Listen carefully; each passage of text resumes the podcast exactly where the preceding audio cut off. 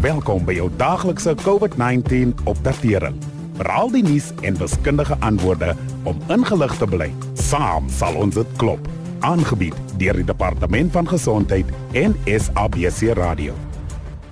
Terwyl Suid-Afrika oor die naweek Nasionale Vrouedag gevier het, was daar mense wat gevra het of vroue ooit die dag behoort te vier, na aanleiding van die hoë vlakke van geslagsgebaseerde geweld waarmee hulle elke dag te maak kry.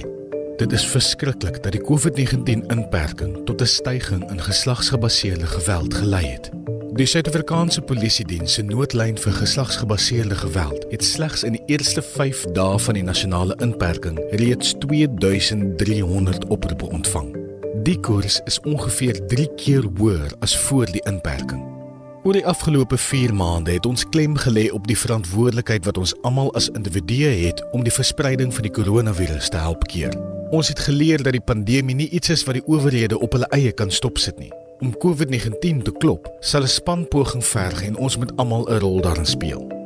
Die beëindiging van die pandemie van geslagsgebaseerde geweld verg dieselfde vlak van persoonlike aanspreeklikheid en gesamentlike optrede. Ons moet 'n einde bring aan die gewoonte om stil te bly en ander pad te kyk en die gedeelde verantwoordelikheid aanvaar om hierdie krisis te stuit. Vandag gesels ons met ons gas oor die rol wat mans behoort te speel om hierdie ewel in ons gemeenskappe aan te spreek. As jy nog nie het nie, besoek asseblief ons Facebook bladsy na afloop van hierdie insetsel. Tik eenvoudig Sikaba iCovid19 in by jou soek engine. Jy sal belangrike details daar vind vir ondersteuning met geslagsgebaseerde geweld, asook nuwe inligting en raad.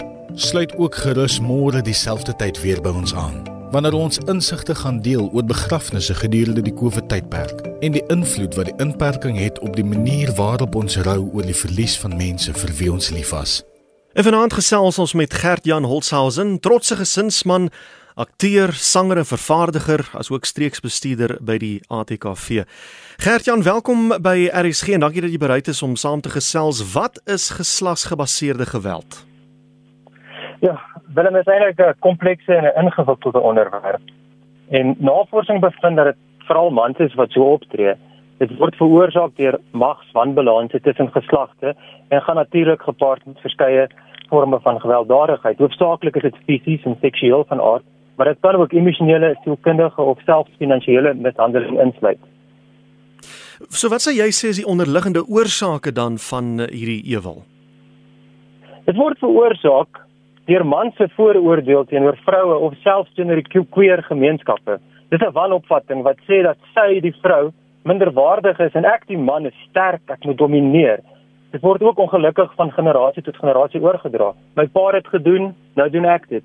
Alkoholmisbruik of ander verslawings is 'n verdere oorsaak hiervan en dan moet ons ook noem dat kulturele voordeel, vooroordeel, soos byvoorbeeld tensinnige kinders ehm um, fyne seuns word gespot omdat hulle nie goed is in sport nie of boelie hmm. gedrag word as normaal geag ag want seuns is mos maar so jy weet of sommige kulture wat glo dat vroue swakker is en hulle moet op hulle plek gehou word deur middel van geweld al hierdie goed ehm um, vorm onnodige stereotipering dink jy as mans om hierdie siklus nou te breek uh, met mekaar en ook met kinders die volgende geslag oor hierdie kwessies praat sal dit help Ja, ek is verseker.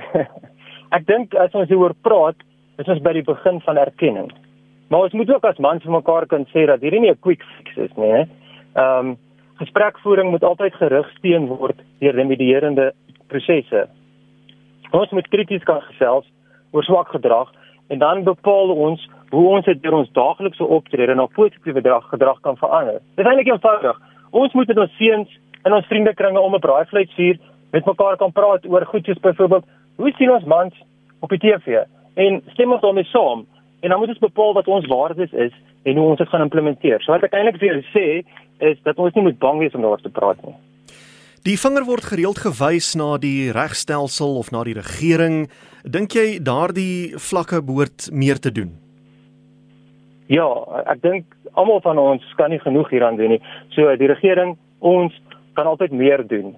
En ons het 'n wesenlike probleem met geslagsgebaseerde geweld. Het jy geweet dat in Suid-Afrika het vroue 'n 5 maal groter kans om weer hulle lewensmaats vermoor te word as by die wêreld te gemiddeld daarvoor is? Dit is vir my nogal skokkend. So ons moet aandring daarop dat regstappe en ingrypings versterk moet word. Waar kan mans hulpbronne vind om hulle dan te help om hierdie gesprekke te voer? Daar was verskeie veldtogte en hulpbronne. Dit gaan nou stupid klink, maar ek wil eintlik sê maak Google jou vriend. Begin deur eenvoudig net te soek of te search um, op Facebook vir groepe wat klaar besig is met hierdie goeters. En in jou direkte gemeenskap is daar verskeie geloofsentrums, welsinsorganisasies gaan klop aan by hulle wil. Hulle is gerad vir die goede maak 'n afspraak by 'n sielkundige of 'n beraader. Hulle weet hoe om mense te help hiermee. Daar's ook organisasies so Zonke Gender Justice. Hulle webtuiste is genderjustice.org. Besoek hulle gerus of selfs menengage.org. Het jy dalk 'n persoonlike boodskap vir ander mans, mans wat hulle miskien self skuldig maak aan hierdie fenomeen? Ek het Maar ek wil net voordat ek my persoonlike boodskap gee net noem want dit is nogal belangrik dat navorsing getoon het dat geslagsgebaseerde geweld geanker is in ons skadelike oortuigings rakende geslagte, ons skadelike oortuigings. So persoonlik wil ek afsluit in 'n pleidooi aan myself en aan alle mans rig. En ek wil sê mans, kom ons hou introspeksie. Dit waar ons moet begin. En ek daag julle uit om saam met my dan krities na onsself te kyk en te besef dat hierdie aggressie of woede wat ons het eintlik 'n sambreel emosie is vir ander goeters. Dan moet ons begin eerlik wees met onsself om uit te vind wat hierdie dinge is wat ons dryf om mense te mishandel. En ehm um, dan moet ons objektiewe en eksterne hulp kry. Kom ons poog om ons emosies op gesonde maniere te hanteer. En die belangrikste, ek noem dit laaste want dit is die belangrikste, kom ons ag vroue as ons gelyk. Ek kan eintlik sê as ons meerdere, want op die ou end van die dag is ons elkeen verantwoordelik vir ons eie optredes. So kom ons wees goeie rentmeesters daarvan. Gert-Jan, baie dankie vir die saamgesels. Mooi bly. Baie dankie. Dit was aan Gert-Jan Holshausen, trotse gesinsman, akteur, sanger en vervaardiger as ook streeksbestuurder by die ATKV. Dankie dat u geluister het na die daaglikse COVID-19 inligtingstuk aangebied deur die Departement van Gesondheid en SABC Radio in samewerking met die Solidariteitsfonds. Wees veilig, bly gesond. Saam sal ons dit klop. Suid-Afrika.